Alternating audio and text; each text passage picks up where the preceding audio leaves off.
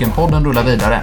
I avsnitt två kommer du få höra Jörgen avslöja det bästa sättet att ådra sig en traumatisk höftledsluxation. Och Per kommer berätta om hur bra det är att vätska upp patienter med nedsatt njurfunktion inför kontrastundersökningar. Vi kommer diskutera hur man bäst formulerar ett alldeles lagom vagt utlåtande. Sen blir det tillfälle att än en gång låta heliumet pysa ut i en quenchning. Allt detta är nummer två av Röntgenpodden.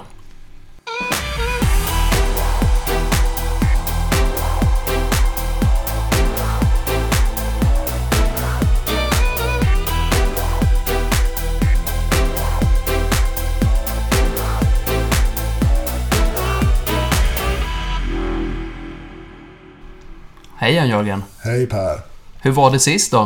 Eh, förra avsnittet menar du? Precis, för du sa efter att det var en ganska bra första dejt och nu har vi liksom fått lite, lite respons på den dejten också från eh, lite lyssnare ute i landet. Ja, ingen dagen efter ångest från min sida i alla fall. Nej, men det- jag, har sett fram emot detta upprepade möte eh, länge nu faktiskt. Ja, men då är vi två. Ja, och eh, vi har ju fått en hel del reaktioner också på vårt första program. Eh, framförallt på Facebook. Precis. Det var liksom inte riktigt...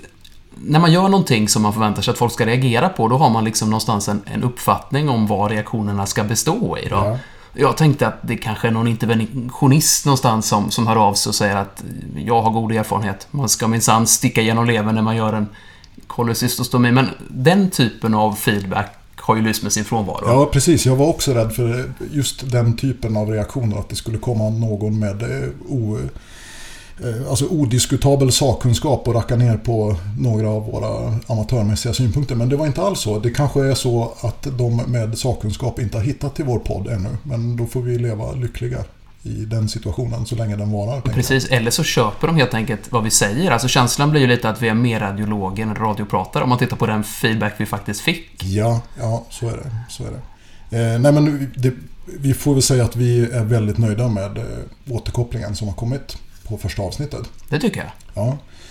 Eh, det var väl egentligen bara ett fall av näthat som vi drabbades av. Eh, från en av mina gamla kursare dessutom. Det Ja, var- det var lite, lite oväntat, fast väldigt vänligt näthat ändå det någonstans. var, eh, det, det var eh, faktiskt befogad kritik kanske vi ska säga. Ja, för han påpekar att vi i presentationen eh, underlät att nämna vad vi hette och det, det låter ju rimligt att göra. Ja, ändå. om man tänker efter så är det väl brukligt att man presenterar varandra vid namn. Det är väl det som är en presentation. Men då gör vi det nu istället. Jörgen Strömberg heter du som var nästan 40 och, och ambulerande radiolog. Stämmer. Och du heter Per Hintze. Det stämmer också. Ja, Bra. Och ännu inte 40. Viktigt. Viktigt. Just det. Men då var det avklarat. Och då kan vi gå vidare, tänker jag. Då kan vi gå vidare. Ja, precis. Har du gjort någonting eh, sen sist värt att nämna?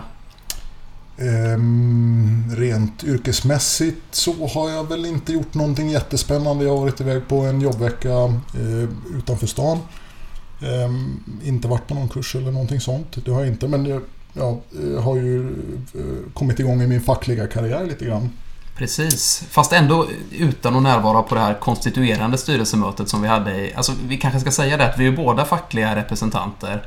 Jag sitter i eh, regionens styrelse som representant för sjukhusläkarna och du är nu nyinvald som representant för privatläkarföreningen. Då. Just det. Och jag kunde inte vara med på mötet och det kanske säger något om konkurrensen då. Att jag ändå lyckades bli vald. Men, ehm, Kan man säga. Eller så säger det någonting om, om din stora kompetens kanske som, som blev vald trots att du inte kunde vara med på det konstituerande styrelsemötet. Just det, eller, eller om din kompetens som lobbyist. För det var ju du som eh, rekryterade mig. Ja, men jag, jag kände att det- är ganska många som jobbar privat som är radiologer i vår region nu. Så det är liksom inte på något sätt en konstig tanke att ha en sån som representant, tycker jag. Nej, nej, precis. Det, det man tänker annars som privatläkare det är väl mer läkare som har en egen mottagning på stan. Kanske en gynekolog eller någon eh, allmänläkare eller hudläkare eller vad det nu kan, kan handla om. Men eh, det är ju faktiskt så att eh, radiologer i större och större utsträckning arbetar som egna företagare med distansgranskning och eh, hyrläkeri då i olika proportioner.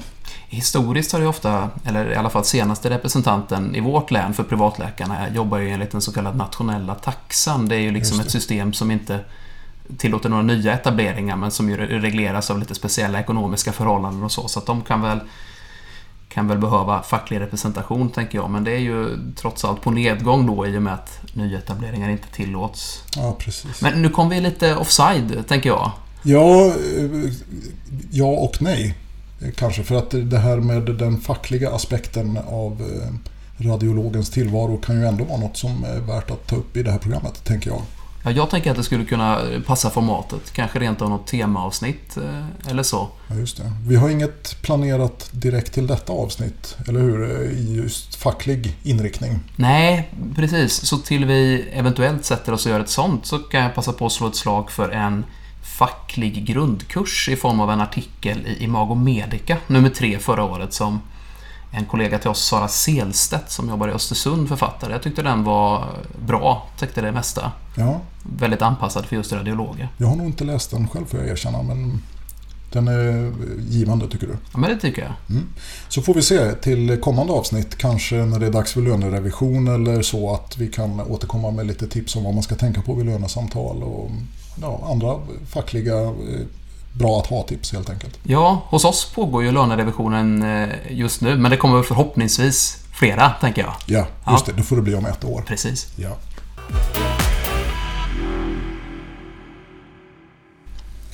Eh, hörru du Per, jag tänkte fråga dig traumatisk höftledsluxation, är det något du har sett mycket av?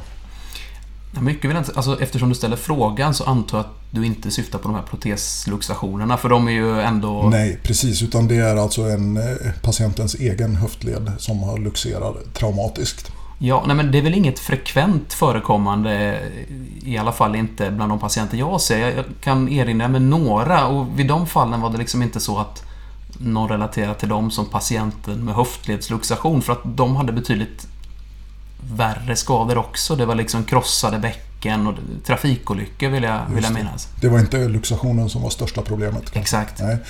Precis, och eh, så, så var min bild också så länge som jag fortfarande var anställd på småländska höglandet. Jag tror faktiskt inte att jag såg en enda traumatisk höftledsluxation under de åren jag jobbade här i Eksjö. Men det man blev lärd då under Eh, utbildningar, kurser och sådär var ju att om man, om man har en patient med en traumatisk höftledsluxation så är detta typiskt sett förenat med andra skador därför att det krävs så pass mycket våld för att eh, slå höften ur led. Då. Och eh, det klassiska fallet är väl en trafikolycka där man frontalkolliderar och fronten på bilen trycks mot knäna så att det blir axiellt våld längs lårbenets längsaxel och som därmed slås ur höftleden. Är det, det en sån dashboard injury? Eh, ja, det är väl termen va? Jag för mig det, eller så är det förväxlar med något. Men det låter som att eh. dashboarden är vad man slår i knät i kanske. Vi bestämmer att det är det. Vi säger så.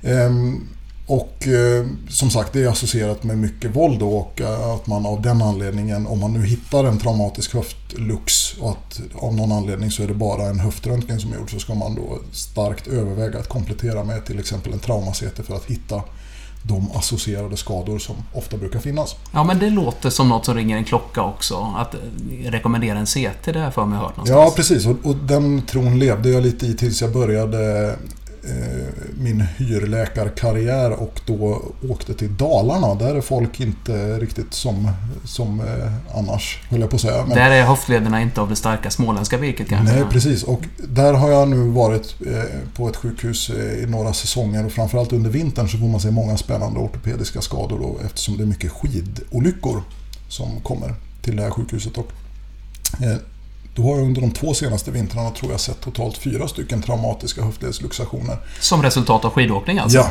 allt på skidåkare då. Eh, och det är ju ganska spektakulärt tycker jag. När jag var där uppe och jobbade sist så kom jag i diskussion med en av ortopederna om det och sa just det att det är ju lite fascinerande att jag får se så många sådana här och aldrig har sett det annars. Och eh, då började vi prata lite om det och han nämnde, vilket jag tyckte var väldigt intressant, att Eh, den här klassiska traumatiska höftluxen, alltså vid en trafikolycka, den är eh, då associerad med eh, ofta med andra skador och framförallt så är det ganska dålig prognos för patienterna e- efteråt. Även om de inte får en fraktur på själva lårbenet då, och kanske inte ens i bäckenet. Så när man då reponerar den här höften så har den ganska dålig prognos att det ofta blir kaputnekros i efterförloppet, kanske ett eller två år senare. Eh, men att så var inte fallet på de här patienterna som de får, alltså skidåkarna som kommer in. Men vad händer med dem då? Alltså, du, du antyder att det är någon annan typ av våld. Det är liksom inte så att de kraschar in i liftstolpen och får samma, samma typ av våld som man får i en trafikolycka. Utan det är relaterat till fastna med skidan, eller? Ja, jag fattar det så. Och det är väl klart att man kan tänka sig kanske någon, någon situation om man säger någon som ska göra ett trick, gör en volt i luften och sen landar fel och landar med då höften flekterad 90 grader och knät lika flekterat och så landar rakt på knät då. Då blir ju det ungefär som en trafikolycka. Men eh, typskadan som jag förstår det var att man kolliderar med någonting samtidigt som man har ett snedskär liksom i skidan. Man kanske försöker undvika hindret. Och att det då blir en rotation också som gör att höften liksom vrids ur led snarare än att den slås ur led. Och att det då är mycket gynnsammare för patienten. Eh, för han berättade då, den här läkaren som jag pratade med, att eh, de hade gjort uppföljning på sina patienter och att de eh, inte alls hade samma frekvens av kaputnekros i efterförloppet som vid den klassiska traumatiska höftluxationen.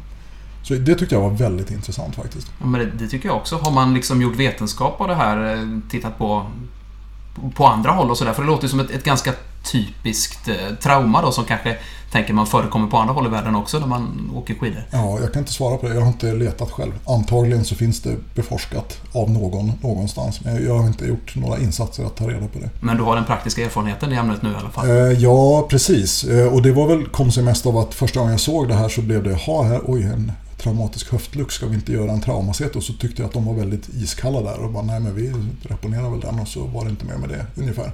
Spännande. Eh, och det visar ju sig vara ja, hittills har varit korrekt för de här patienterna har ju inte haft några associerade skador. Då. Så det, det, tyckte jag var, var en väldigt intressant lärdom.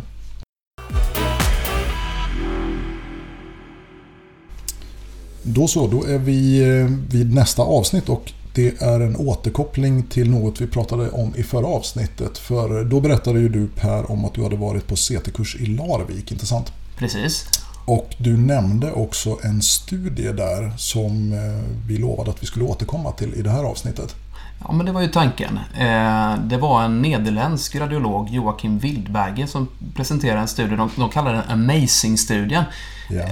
Så blir det ofta med studier som har långa namn, att man kommer på någon mer eller mindre krystad förkortning som sätter sig. Jag kommer ihåg förra avsnittet så pratade vi om att ingen av oss hade lagt minnet på den här studien med kol men, men det var ju för att det var en lång och knölig titel då. Den här heter egentligen något annat. Just det. Ja, själva eh, rubriken på artikeln ska vi läsa till igen. Den är jättelång. Eh, det är Prophylactic hydration to protect renal function from intravascular iodinated contrast material in patients at high risk of contrast-induced nephropathy. A prospective randomized phase 3 controlled open label non-inferiority trial. Precis, det säger ju en del men man liksom nästan glömt början när man kommer till slutet. Ja, lite så. Men eh, förkortningen är lite lättare. Amazing och det står då för A Maastricht Contrast Induced Nephropathy Guideline Trial. Så den är alltså från Maastricht i Holland. Precis. Eh, och där tittar de på, jag var ju lite inne på det i förra avsnittet, att jag hade fått för mig att det gällde patienter med eh, i typfallet eh, akuta undersökningar. Vi pratade om CT pulmonalis ja. och sådär. Det var ju inte riktigt det som var den främsta patientgruppen visade sig när jag läste studien ordentligt. Utan tydligen i Holland verkar de ha en tradition av att, att vätska upp patienter som genomgår elektiva röntgenundersökningar i högre utsträckning än vad jag är van vid att man gör här. Just det. Jag förstod det också när jag läste studien att där kan man remittera patienten för uppvätskning inför undersökningen som jag förstod det.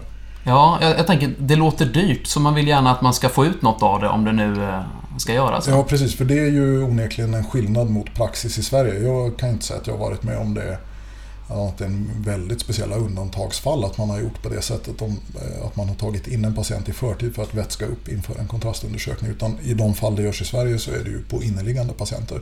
Ja, det är väl det som är typfallet man ställs inför. Det kommer liksom eh, någon med den här blanketten de har fyllt i och så har man en patient med GFR 32 som ska göra någonting akut. Och så, hur ska man göra då? Eh, men här hade de tittat på just sådana patienter som 91% var elektiva tror jag. Och, och, då hade de helt enkelt gjort så att de hade tagit knappt 30 000 patienter på det här sjukhuset i Maastricht. Och sen hade de tittat vilka av dem som uppfyllde de europeiska kriterierna för att vara riskpatienter för att få kontrastinducerad nefropati. Ja. Och eh, då skulle man antingen ha ett GFR på mindre än 45 eller ett GFR mellan 45 och 59 och diabetes.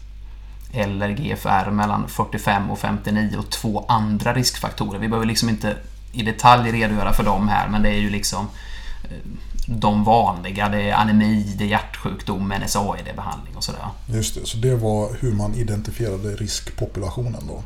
Precis. Och sen så exkluderar man patienter under, med GFR under 30 eller patienter som behövde akuta undersökningar eller genomgick intensivvård. Då ansågs det väl inte etiskt korrekt att utsätta dem för en studie så att säga. Ja, just det. Eh, men eh, de övriga blev tillfrågade då. Och eh, då mätte man kreatininet hos dem precis före kontrastinjektionen och sen så mätte man det en gång till efter två till sex dagar och ytterligare en gång efter en månad ungefär. Efter undersökningen alltså? Precis. Ja. Eh, och vad man främst studerade var då förekomst av kontrastinducerad nefropati, alltså eh, om man hade en kreatininökning över 25% eller 44 mikromol vid den andra kontrollen. Ja. Ehm, och så jämförde man då och eh, då var det runt 300 patienter per grupp. Och incidensen av kontrastinducerad nefropati var 2,6 hos de patienter som inte vätskades upp och 2,7 hos de som vätskades upp. Så det var liksom ingen skillnad. Nej, och skillnaden mellan grupperna var alltså att den ena gruppen fick då profylaktisk rehydrering, eller ja, att man vätskade upp dem. Och i den andra gruppen gjorde man ingenting, utan man körde bara undersökningen. Precis.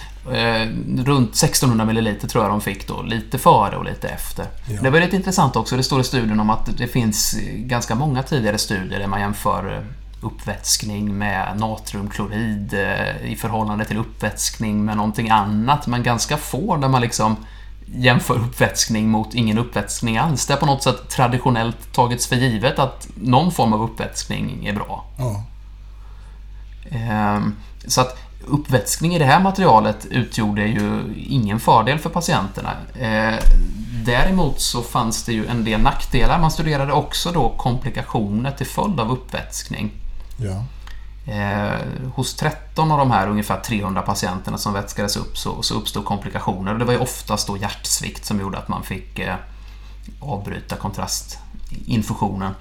Eh, någon fick arytmi och ytterligare färre fick eh, elektrolytrubbningar. Men det var väl runt 5% av de här patienterna som ändå fick negativa effekter. Och detta var alltså komplikationer som inte i motsvarande grad drabbade patienter i den andra gruppen som inte fick någon eh, uppvätskning. Ja men precis, det är ju viktigt att poängtera också för där, hittar man inga eh, komplikationer av det slaget överhuvudtaget.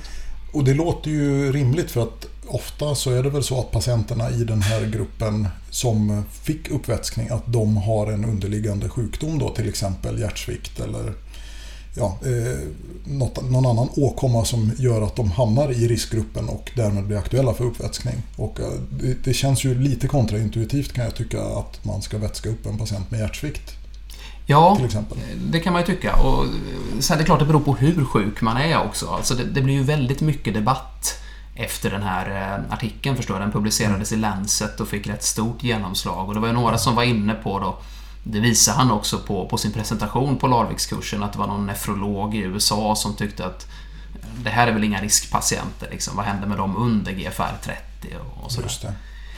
Och en annan eh, debatt som väcktes till liv av den här studien då igen var ju vikten av, eller till och med existensen av kontrastinducerad nefropati. Alltså rent definitionsmässigt så är det ju en ökning i kreatinin men den är oftast reversibel. Ja. Eh, Och det var också författaren inne på att det är inte någonting vi har studerat i den här studien utan han rekommenderar precis som tidigare att man iakttar försiktighet med kontrastundersökningar, att man inte ger mer kontrast än vad som behövs och sådär. Det var ju trots allt ett par procent som fick kreatininökningar och liksom studien har ingen bäring på allvarlighetsgraden av eh, sin. Nej. Utan vad den egentligen säger då är att hos de här patienterna som har en förhöjd risk, men ändå inte jättehög risk så att säga, så, så tjänar man nog ingenting på, på att vätska upp då. Nej, precis. Och sen är det som, som vi diskuterade lite innan avsnittet att det är ju lätt att man Eh, stirra stirrar sig blind på en faktor. Men det finns ju ofta flera faktorer som i det här fallet när man har ett system då där man remitterar patienter för uppvätskning inför undersökningen. Vilket rimligen är en ganska kostsam åtgärd och resurskrävande åtgärd. Eh, så då bör väl kravet vara högre ställt än att det är lika bra som att inte göra det. Alltså det måste ju tillföra någonting att göra på det viset om det kräver resurser och är ekonomiskt kostsamt. Ja, men precis. Va? Alltså, om, om det är så att studien hade visat att eh, tillförsel av vätska kanske inte har någon effekt, men det skadar i alla fall inte, så hade väl på något sätt försiktighetsprincipen talat för att man ändå kan kan fortsätta men, men det faktum att man även får negativa effekter ökar ju så att säga kravet på nytta hos de patienter som då eventuellt slipper njursvikt. Ja precis och rent vetenskapsmetodologiskt så får man väl säga att det är en, en, eh, en välgjord studie. Absolut. Väldigt. Eh, eftersom den var då prospektiv och lottade patienter till behandling versus icke-behandling och, och mätte då de här endpoints som du har gått igenom. Själva upplägget i studien är ju svårt att hitta några invändningar mot och det fick ju också till effekt att man ändrade riktlinjerna i Europa vad jag förstår. Mm. Mycket intressant. Vad kan vi ta med oss av detta till svenska förhållanden då, tänker du? Det är också en väldigt intressant fråga. Jag var faktiskt inne och läste eh, i SFMRs kontrastgrupps rekommendationer för användning av jodkontrastmedel. Mm. Och de hade tydligen reviderat sina riktlinjer ganska alltså, i anslutning till att den här studien kom, men inte med anledning av den så att säga. Mm.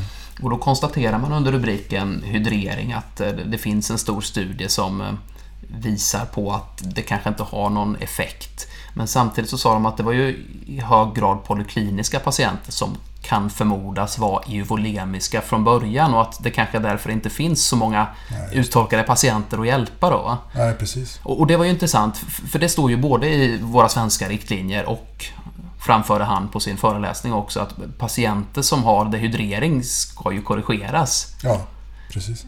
Men om man tittar lite längre ner i svenska riktlinjerna så kommer det ju också så att säga lite information om att man kanske ska ta det försiktigt med patienter med hjärtsvikt. Jag, jag tror liksom att det budskapet står ju rätt bra i riktlinjerna men att det kanske lite försvinner ute i verksamheten. Att man känner att man, man ändå gör någonting hos de här riskpatienterna och att det lite, alltså patienten är dehydrerad tills motsatsen bevisas så att säga. Ja precis och så tänker jag att då, just det här att um Eh, rutinerna skiljer sig så pass mycket åt mellan Holland och Sverige, vilket för övrigt var intressant. Jag hade inbillat mig att det var ungefär lika. Så innebär ju det att typpatienten där man ställs inför frågan i Sverige är ju egentligen helt annorlunda än i den här studien. Då.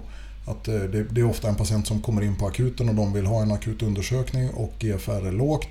Och så säger man okej, okay, men lägg in patienten, vätska upp och så tar vi ett nytt krea imorgon och så ser vi hur det är. Eller att det är en patient som ligger på IVA kanske. Och som följs med upprepade undersökningar och som har dassigt GFR. Och, och de patienterna var ju en väldigt liten del av, av studien. Alltså IVA-patienter var ju eh, uttryckligen exkluderade i den här studien. Eller hur? Ja, och det är det man tar fasta på också då i de svenska riktlinjerna. Mm. Det är fullt korrekt eh, förstås.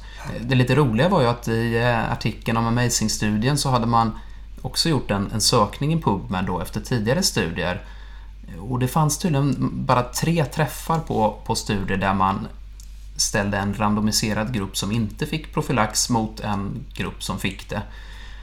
Två av de tre studierna visade faktiskt en fördel med uppvätskning men de var båda gjorda på patienter som skulle göra PCI för att de hade akuta hjärtinfarkter och sådär. Så att ja. då Amazing-studiens författare i sin tur säger att de studierna är nog inte relevanta för oss. Så att det finns väl kanske inte någon studie som är direkt applicerbar på svenska förhållanden överhuvudtaget då egentligen? Ännu. För Ännu. Vi, vi sa ju att vi skulle avsluta det här avsnittet med... Eh, att det behövs mer forskning? Ja, det är kanske där vi landar eller? Det är väl det. Men ändå på något sätt tänker jag att man kan ta med sig eh, alltså risken för negativa konsekvenser av uppvätskningen som sådan. När sköterskan kommer in till dig med ett papper där det står att den här patienten har ett GFR på 31 rätt och så tycker du att undersökningen kanske eller kanske inte är indicerad och så ska du ringa och diskutera med kliniken. Då kanske du ska fråga, kan det vara så att patienten är dehydrerad istället för, ska du överväga att vätska upp honom? Just det. Primum non nocere. Så, Just precis. Det. Men eh, vi, vi konkluderar ändå med att mer forskning behövs, eller hur? Helt klart. Ja, så är det.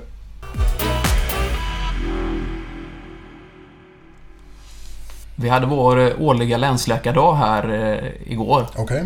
Jag vet inte, hade vi sådana innan du slutade? Det hade vi precis börjat med kanske? Eh, det hade vi. De, jag minns att de fick göras i två omgångar för att det var, krävdes personal på plats och, och sådär. Visst var det så?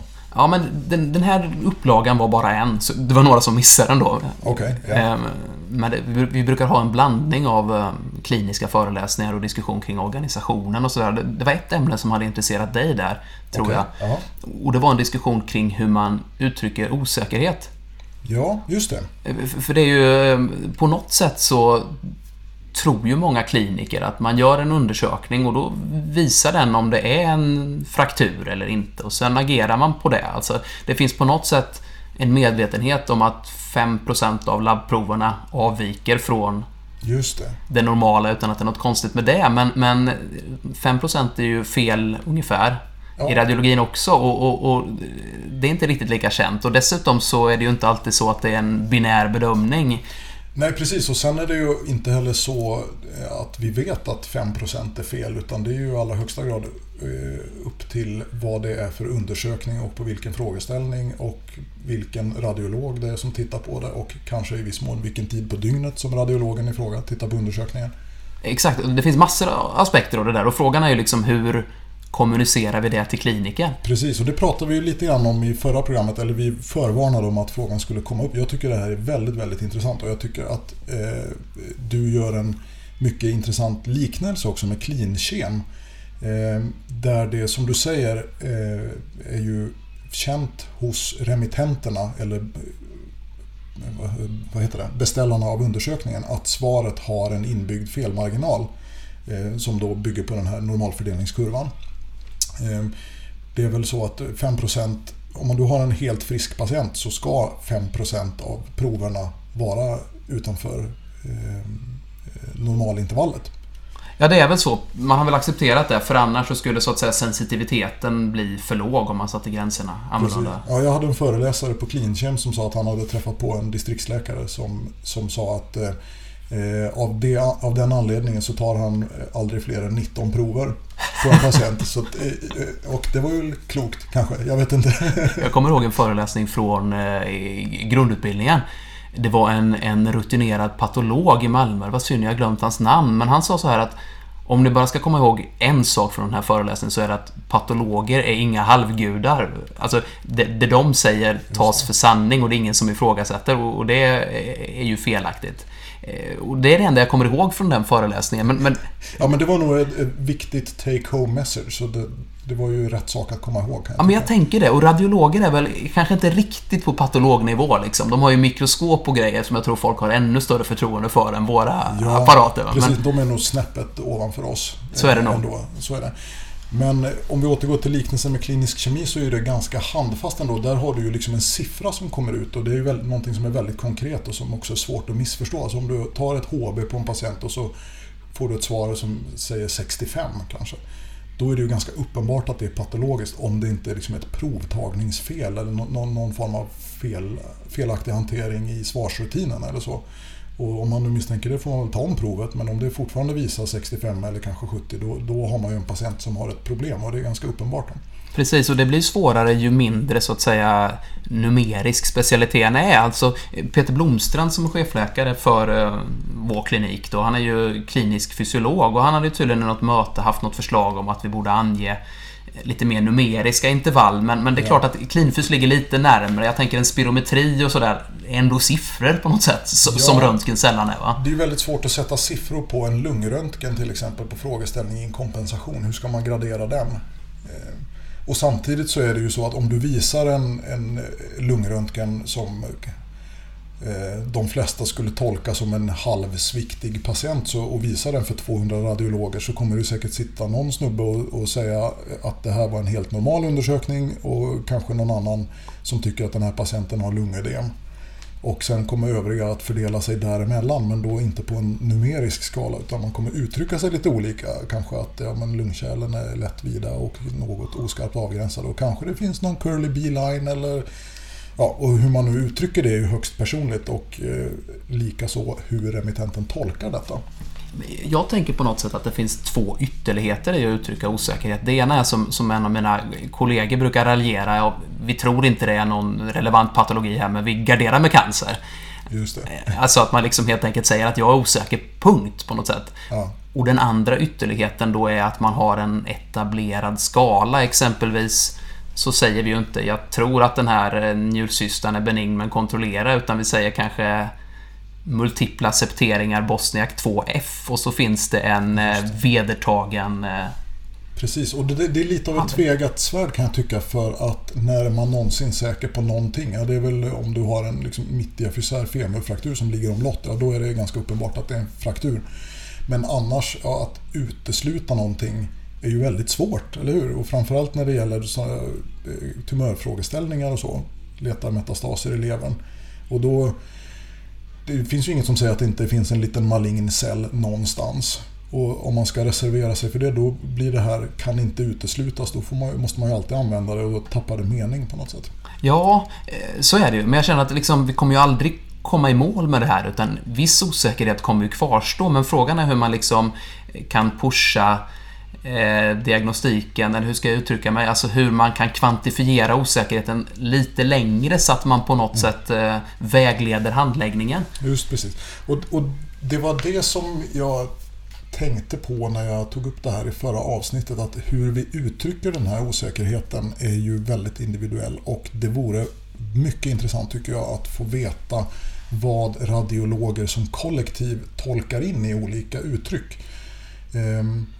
Och jag tänkte då som ett exempel, en, eh, man sitter och tittar på kanske en CT eller en MR eller för all del ett ultraljud och så hittar man någon lesion i levern som man inte riktigt är säker på vad det är. Är det ett hemangiom eller skulle det kunna vara en metastas då till exempel hos en patient med känd cancer eller kanske inte ens har en känd cancer för den delen. Och då kan man ju vara, lite beroende på hur det ser ut, kan man ju vara olika, olika säker på sin sak. Och hur uttrycker man då eh, skillnaden i säkerhet? Eh, i sitt utlåtande. Och det finns ju en massa olika formuleringar man kan ta till. Man skulle ju kunna säga då om man eh, så, så som jag själv menar med uttrycket så skulle jag kunna säga till exempel bild i första hand som vid ett hemangiom. Om jag känner mig hyfsat säker på det. Om jag skriver så i mitt utlåtande hur om du skulle tolka det med en procentsats hur säker jag är på att det är ett hemangiom, vad skulle du säga då?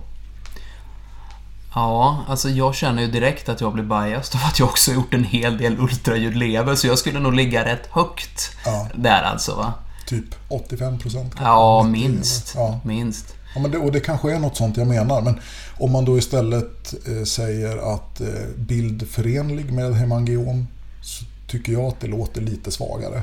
Ja, det gör det. Det tycker jag också. Ja. Och det kanske de flesta radiologer tycker, men det finns säkert någon som inte uppfattar det. Ehm, och framförallt så är ju frågan hur den här formuleringen tolkas sen av remittenterna. Exakt? Och, och speciellt när det är sådana här eh, som det exemplet du tog upp nu så är det ofta en distriktsläkare som skickar in patienten och det går ju liksom inte att begära att någon sitter och ska ha koll på alla områden på en sån detaljnivå. Nej. Alltså jag menar att om det, om det kommer till någon som jobbar mycket med levern så kanske de eh, är medvetna om att det är bakomliggande maligna sjukdomar och riskfaktorer för sådana som ska få oss att utreda just den här patienten lite extra och annars kanske släppa det. Va? Men jag, jag, jag tycker liksom att när man får remisser från distrikt vi är ju båda gifta med distriktsläkare och har på något sätt på nära håll sett frustrationen över att specialister överallt tycker att nu måste ni kunna vårt område och veta precis hur våra handläggningar sker på detaljnivå. Det är liksom inte rimligt. Så jag tycker att vi som radiologer borde kunna vägleda dem lite längre på något sätt. Ja, precis. Men det är ju... Det går inte att komma ifrån att det finns eh, en eh, svårighet i flera nivåer här. För det första så är det ju att man har en bild som jag ska tolka och eh, den tolkningen måste ju vara rätt då. Den är ju subjektiv i allra högsta grad och du kanske skulle göra en annan sannolikhetsbedömning än jag om du tittade på samma bild. Och sen ska vi försöka klä det i ord och det ska ju gärna vara så, så pass homogent som det kan vara inom radiologkollektivet. Eh, men dessutom så måste ju remittenterna uppfatta det. För att om vi nu på något sätt tänker oss att vi skulle kunna vara eh, vi skulle kunna fastställa att det till 85% sannolikhet var ett hemangiom vi tittade. Om vi säger att, bara ponera att vi visste det.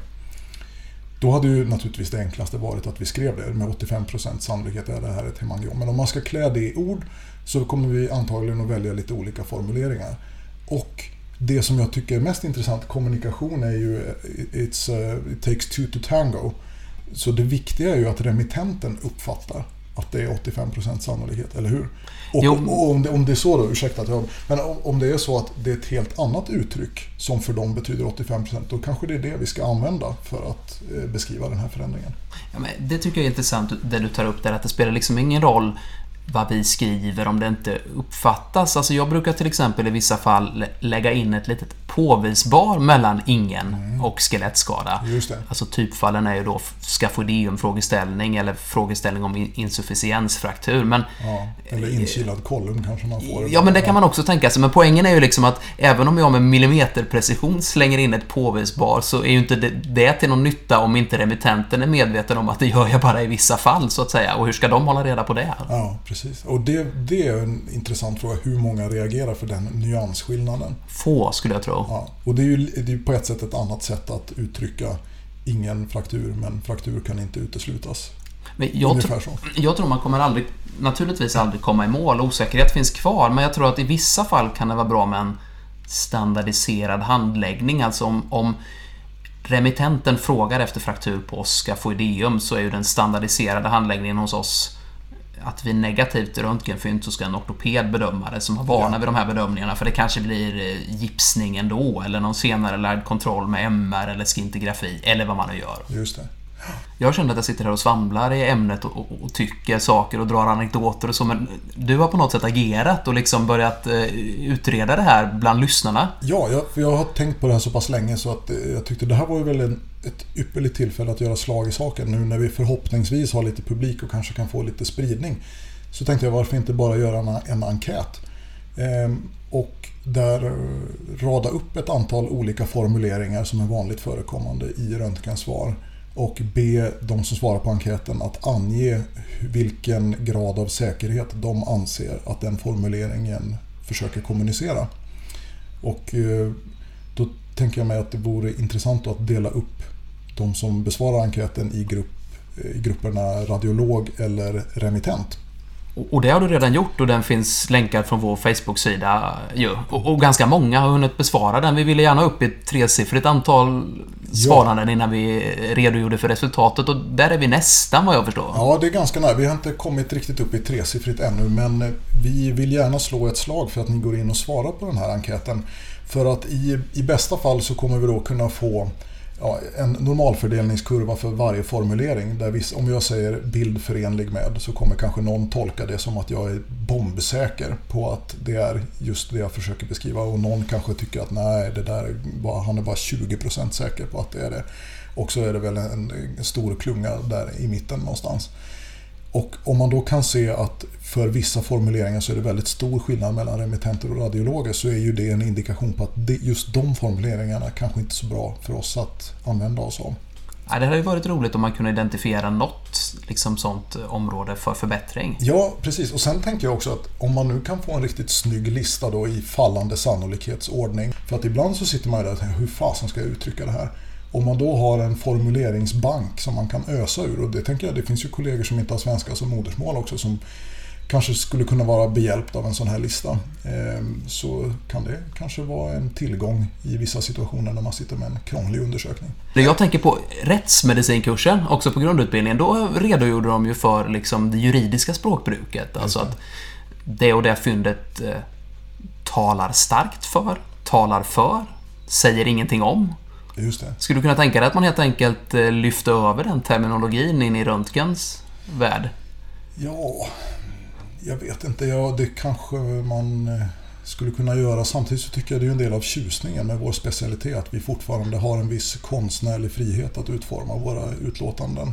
Och jag inbillar mig att det faktiskt har ett mervärde att jag kan ibland uttrycka vad som är min personliga gissning. Eller att man, ibland kan man faktiskt skriva det, gissningsvis detta. Och då, då framgår det ju tydligt att det här är liksom inte på något sätt fastställt men att jag utifrån min erfarenhet ändå tänker att det skulle kunna vara det. Ehm, jag inbillar mig att någonting skulle gå förlorat om man blev alltför hårt styrd i sina formuleringar. Jag tror du har en poäng där när du säger att det är många som uppskattar den artistiska friheten. Alltså ofta är det ju försök att införa standardiserade uttryckssätt är min erfarenhet, brukar ändå stöta på patrull. Folk vill liksom vara lite fria och lägga in nyanser och, och så. Ja, sen har jag lite svårt att se hur det skulle gå till rent praktiskt. För då, då kan man ju inte gärna sitta och skriva sina svar längre utan då får man sitta och klicka i någon skala. Då. Eh, eller, jag tänker också att det här är lite ett, ett problem som kanske har ökat nu i och med att det är mycket röntgenbilder som eh, bedöms av radiologer som inte har direkt kontakt med de kliniker som så att säga ska agera på fynden. Alltså, om jag går jour en kväll och så är det fyra CT-buk varav två har lite liksom osäkerhet. Då är det i allmänhet jag som håller röntgenronden på morgonen och kan nyansera. Jag känner kirurgerna, de känner mig och så vidare. Det får man inte riktigt när man jobbar på distans. Nej, det är ju en sån sak som man definitivt eh, går miste om. Det blir lite att man sitter och ropar ut i intet och inte vet vad det blir av eh, ens förhoppningsvis begåvade gissningar. Men det är klart, så kan man liksom inte bygga upp verksamheter kring att det alltid är radiolog A och kirurg B som handlägger en viss typ av fall för att det blir ju väldigt, väldigt känsligt också. Så att jag tror även, även vi som är fast anställda på en klinik skulle vara betjänta av en lite mer standardiserad terminologi kanske. Ja, Ja, absolut. Behövs det mer forskning här Jörgen? Det, det, är ju det vi håller på med. Ja, det behövs nog inte mer forskning än, än den som vi håller på med. Sen, sen är det väl färdig forskning. Den kommer rätta ut frågetecknen. Ja, precis. Men hur som helst, det finns alltså en enkät. Den är öppen för alla att gå in på. Och det är inte bara läkare den riktar sig till utan även övrig sjukvårdspersonal och för all del eh, människor som inte alls har med sjukvård att göra men som tycker att det här är intressant. Eh, ni får hemskt gärna gå in på länken och vi får väl se till att länken finns tillgänglig i eh, beskrivningen till det här avsnittet och även på vår Facebook-sida. Då, så att, eh, gå gärna in där och sprid den till kollegor, radiologer eller övriga kliniker eh, och hjälp till att få upp svarsfrekvensen så att vi kan få ett eh, vettigt material att jobba med sen. Nu börjar ju svar bli tillgängliga också på internet för eh, patienter. Så det kanske var klokt att ta med allmänheten i det här ja, också. det var en väldigt intelligent synpunkt. Eh, för det inbillar jag mig att det sitter många, många patienter där som bara att de har läst ordet malignitet någonstans i utlåtandet eh, och framförallt om det står malignitet kan inte uteslutas så tror jag att det väcker mycket ångest hos patienter fast det kanske eh, hos vissa kollegor kanske mer är ett sätt att rutinmässigt gardera sig för någonting som de ändå tror är väldigt osannolikt. Precis. Jag, jag känner jag sabbar din snygga avrundning där, men jag, jag, måste bara... Alltså, det blir ju farligt också om man inte vågar påpeka att här finns en liten risk att vi har att göra med cancer. Ja. Alltså av rädsla för att patienten ska plocka upp det och bli... Absolut, det där är egentligen ett, någonting som vi skulle kunna ta upp som en separat diskussion. Det här med att utlåtanden finns tillgängliga för patienter. Påverkar det hur vi uttrycker oss i våra svar? Det skulle jag kunna tänka mig att det gör. Jag, jag har nog tänkt tanken i alla fall i vissa fall när jag suttit och hur kommer patienten uppfatta detta om jag skriver det? Jag vet inte om du går i samma tankar när du sitter och skriver på undersökningar? Ja, kanske inte när jag skriver på undersökningar, men någon gång alltså om man är röntgenläkare och har eh, anhöriga som röntgar sig så, så frågar de ju gärna och det kan vara liksom njurkyssta som ser benign ut eller sådär och de ändå funderar lite på det och så ja. själv är man inte ett dugg orolig men Precis. den berörda anhöriga kanske inte riktigt har förstått det förstås. Va? Är den verkligen benign? Precis. Ja, just det. Mycket intressant. Eh, en fortsättning i ämnet kan inte uteslutas. Ja, Per, känner du dig arg idag? Det kan jag inte påstå, tvärtom. Alltså, vi, vi sitter här och spelar in en podd och barnen sover och solen skiner. Nej, nej, jag är ganska tillfreds. Ja, men det är jag också. Och det är eh, därför jag frågar, därför att vi har kommit till det här med quench. Jag kände lite grann... Det var kul att göra en quench förra gången, men blir det inte lite negativ image av vår podd? Jo, men jag har också funderat på det. Liksom, är vi arga nog och uppbåda tillräckligt mycket irritation för att, för att ha en quench i varje avsnitt? Eller Ja. är det något som ska komma då och då? Liksom? Blir det inte en självuppfyllande profetia att vi bara letar negativa saker då för att vi ska ha en quench varje gång? Jag tycker vi behöver inte ha som målsättning att vi quenchar något i vartenda avsnitt. Nej, vi kan flagga för att det är något som kommer ibland och ibland inte. Vad är motsatsen till en quench då? Om vi ska hylla någonting istället? Ja, men det är en bra fråga. Jag har också funderat på det. Lite tänkt liksom, vad är positivt i röntgenvärme? Men jag har inte kommit på något bra svar. Vi kanske kan, kanske kan fråga lyssnarna. Mm, en eh, reponerad piglux kanske. Jag vet inte, under undersökningen. Ja. Ja.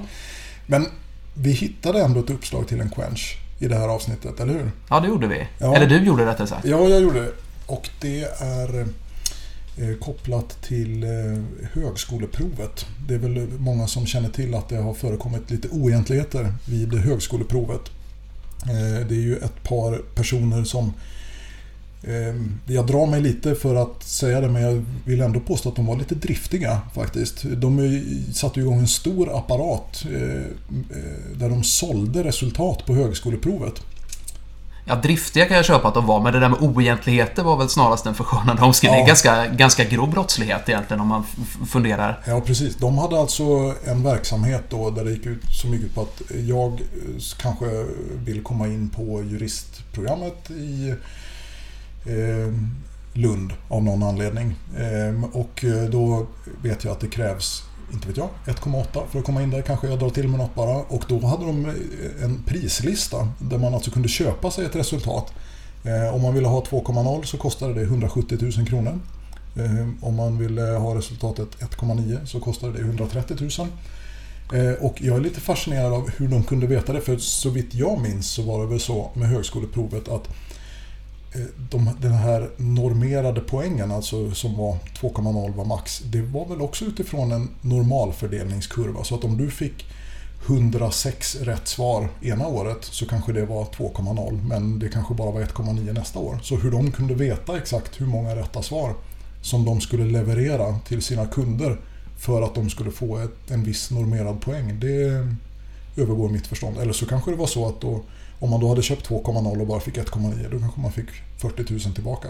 Ja, det var ju praktiskt med en så pass eh, tydlig prislista i det här fallet. Kan man ju tycka. ja, precis. Och sen, alltså det var ju rätt så avancerat för att de hade väl ändå något system för att de inte skulle ge samma rätta svar så att alla som hade 1,9 hade svarat rätt på samma frågor för det skulle ju verka suspekt då. Jo, men för det har jag hört vid, vid några tidigare prov att de har satt dit fuskare på att det har varit liksom för många som har haft identiska svar. Alltså om, om Låt säga då att tre stycken, eh, eller kanske fler än så, jag vet inte hur många det behöver vara för att det ska fastna i nätet, men att ett, ett antal personer skriver en identisk svarsrad som råkar ge 2,0, då tror jag man har tittat på det så att säga. Ja, precis. Och samma skulle väl vara om, om det var så att de skrev alla rätt för det är väl väldigt ovanligt att någon lyckas ha rätt på precis varenda fråga. Jo, men, men nu har de här resultaten i alla fall liksom räknats och nu har det här uppdagats och då finns de som har köpt sina resultat redan inne på olika högskoleutbildningar landet över helt Det enkelt. stämmer. Och eh, det jag läste var då i Läkartidningen att det finns alltså studenter som har kommit in på läkarprogrammet i Lund, Örebro, Uppsala och Linköping som har helt enkelt fuskat sig in på utbildningen och köpt sina platser via det här bedrägeriet får man väl ändå säga. Ja, det, det ligger ju ganska nära till hands att läkarprogrammet drabbas, om man uttrycker sig så, med tanke på att det alltid brukar vara höga betyg eller provresultat som krävs för att komma in. Det, var lite, det påminner mig om, alltså jag, jag läste i Läkartidningen för några år sedan då att eh, man hade konstaterat, jag kommer inte ihåg vilket lärosäte det var, men det var fler som kuggade på en viss tenta än det tidigare hade varit och så hade man intervjuat någon representant för utbildningen om, om vad det kunde bero på. Kan det ha varit etiktentan? Kan ha varit etiktenta. Kan också vara ett cellbiologi eller något helt vanligt. Men då i alla fall så sa man att ja, det finns ju liksom indicier på att det finns folk som fuskar och kanske är det så att vi har studenter bland oss som egentligen inte är lämpade för att gå utbildningen. Och då minns jag att det hajade till lite. Då blev det lite mindre abstrakt så att säga att, att det fuskas på högskoleprovet. Ja, just det. Jag- Jag vet att 2016 så var det väl fem studenter på KI som fick eh, lämna läkarprogrammet efter att de hade fuskat sig in då, också via högskoleprovet. Ja, de här hjärnorna bakom det, här bedrägeriet, de har i alla fall blivit åtalade och eh, blivit dömda till och med till kännbara straff får man ju säga med svenska mått mätt. Mellan tre och ett halvt och sex års fängelse i tingsrätten. Sen vet jag inte om det här kommer att överklagas. Det kan man väl tänka sig att det kommer att eh, tröskas vidare i högre instanser ett tag innan det blir slutgiltigt fastställt. Men det får man väl säga ändå var ett resolut ingripande av rättsväsendet. Det låter rimligt. Men eh, du Jörgen, vad händer med studenterna då? Ehm, de, eh, de kommer ju förhoppningsvis också att bli eh, skilda från utbildningen. Och jag kommer inte ihåg om det framgick av artikeln att de skulle bli det eller inte. Men en process har i alla fall inletts för att avskilja dem från utbildningen. Så dagens quench är på något sätt bluff och båg i allmänhet? Eller högskoleprovet i synnerhet kanske? Eller? Ah, ja, jag vet inte. Bluff och båg i allmänhet. Det är lite för vagt kanske? Det är lite för vagt. Ja. Men jag tycker just, just det här upplägget och de här individerna. För kan man säga, dels så är det ju omoraliskt att eh, köpa sig till en utbildning som man inte är berättigad till. Och framförallt så är det ju surt för att det är ju många andra som vill komma in på utbildningen och som har kämpat med eh, ärliga metoder och som går miste om en chans som de kanske skulle ha fått om inte det här fusket hade förekommit. Så att jag har inga problem med att låta heliumet pysa ut över såväl studenterna som har fuskat sig in på läkarutbildningen som hjärnorna bakom hela upplägget. Nej, och så tänker jag också på att i förlängningen kanske man trots allt blir en bättre läkare om man har de kunskaper som krävs för att överhuvudtaget komma in på programmet. Alltså även om man... Det vore ju tragiskt om det inte var så, ja. tycker jag. Låt heliumet pysa.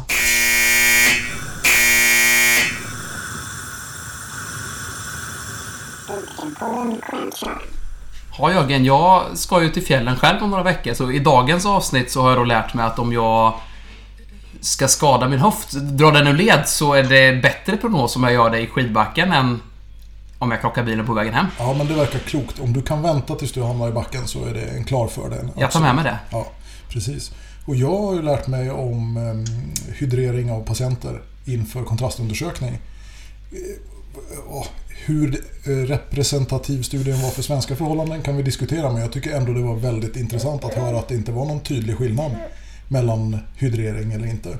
Precis, och att det också finns en del negativa effekter i eh, samband med hydreringen. Just precis. Och så har vi barngnäll i bakgrunden. Vi har också lärt oss att man nästan kan spela in ett poddavsnitt under den tid som Lille Nils sover. Ja, precis. För vi har fått, fått en tredje gäst här kan vi säga. Vår till. första gäst i studion. Ja, precis. precis. Det är Per som... Det tycker jag var väldigt modigt gjort att du sa att vi skulle prova att spela in det här samtidigt som du var hemma med dina två barn. Det var tydligen så att det går vinterkräksjuka på dagis. Jag vet inte på varför du tycker att det är så viktigt att hålla sig från denna trevliga åkomma. Nej, det är mer en fix idé kanske. Men, men eh, Ja, nej det var lite av en, en prestation i vardagslogistik får jag säga. Ja, men som du säger, vi har fått eh, nästan ett helt avsnitt inspelat ändå. Det har gått jättebra tycker jag. Eh, det kommer ju komma ett avsnitt till, eller hur? Precis. I nästa avsnitt så har jag tittat på en studie om eh, aortadissektioner. Eh, vad går egentligen gränsen mellan typ A och typ B? Just det. Det trodde jag var tydligt. Men så är det inte alltså. Det trodde jag också. Nu vet jag bättre. Du vet du bättre. Okej. Okay. Och sen så har vi pratat lite om språk nu. Vi får väl följa upp det då. Förhoppningsvis får vi in många svar på enkäten. Och eh, att, kanske att vi kan presentera ett resultat. Precis. Och du kanske kan gå igenom lite nu. Hur är det? Vi har ju fotat vår lunch på Instagram. Facebook-sidan uppe och mejladress har vi. Just det. Och eh, podden finns ju ute. Den finns på Spotify. Ehm, den ska finnas på iTunes. Vi har eh, anmält den dit men den är inte godkänd ännu tydligen. Jag vet inte vad det beror på. Du, har du iPhone eller?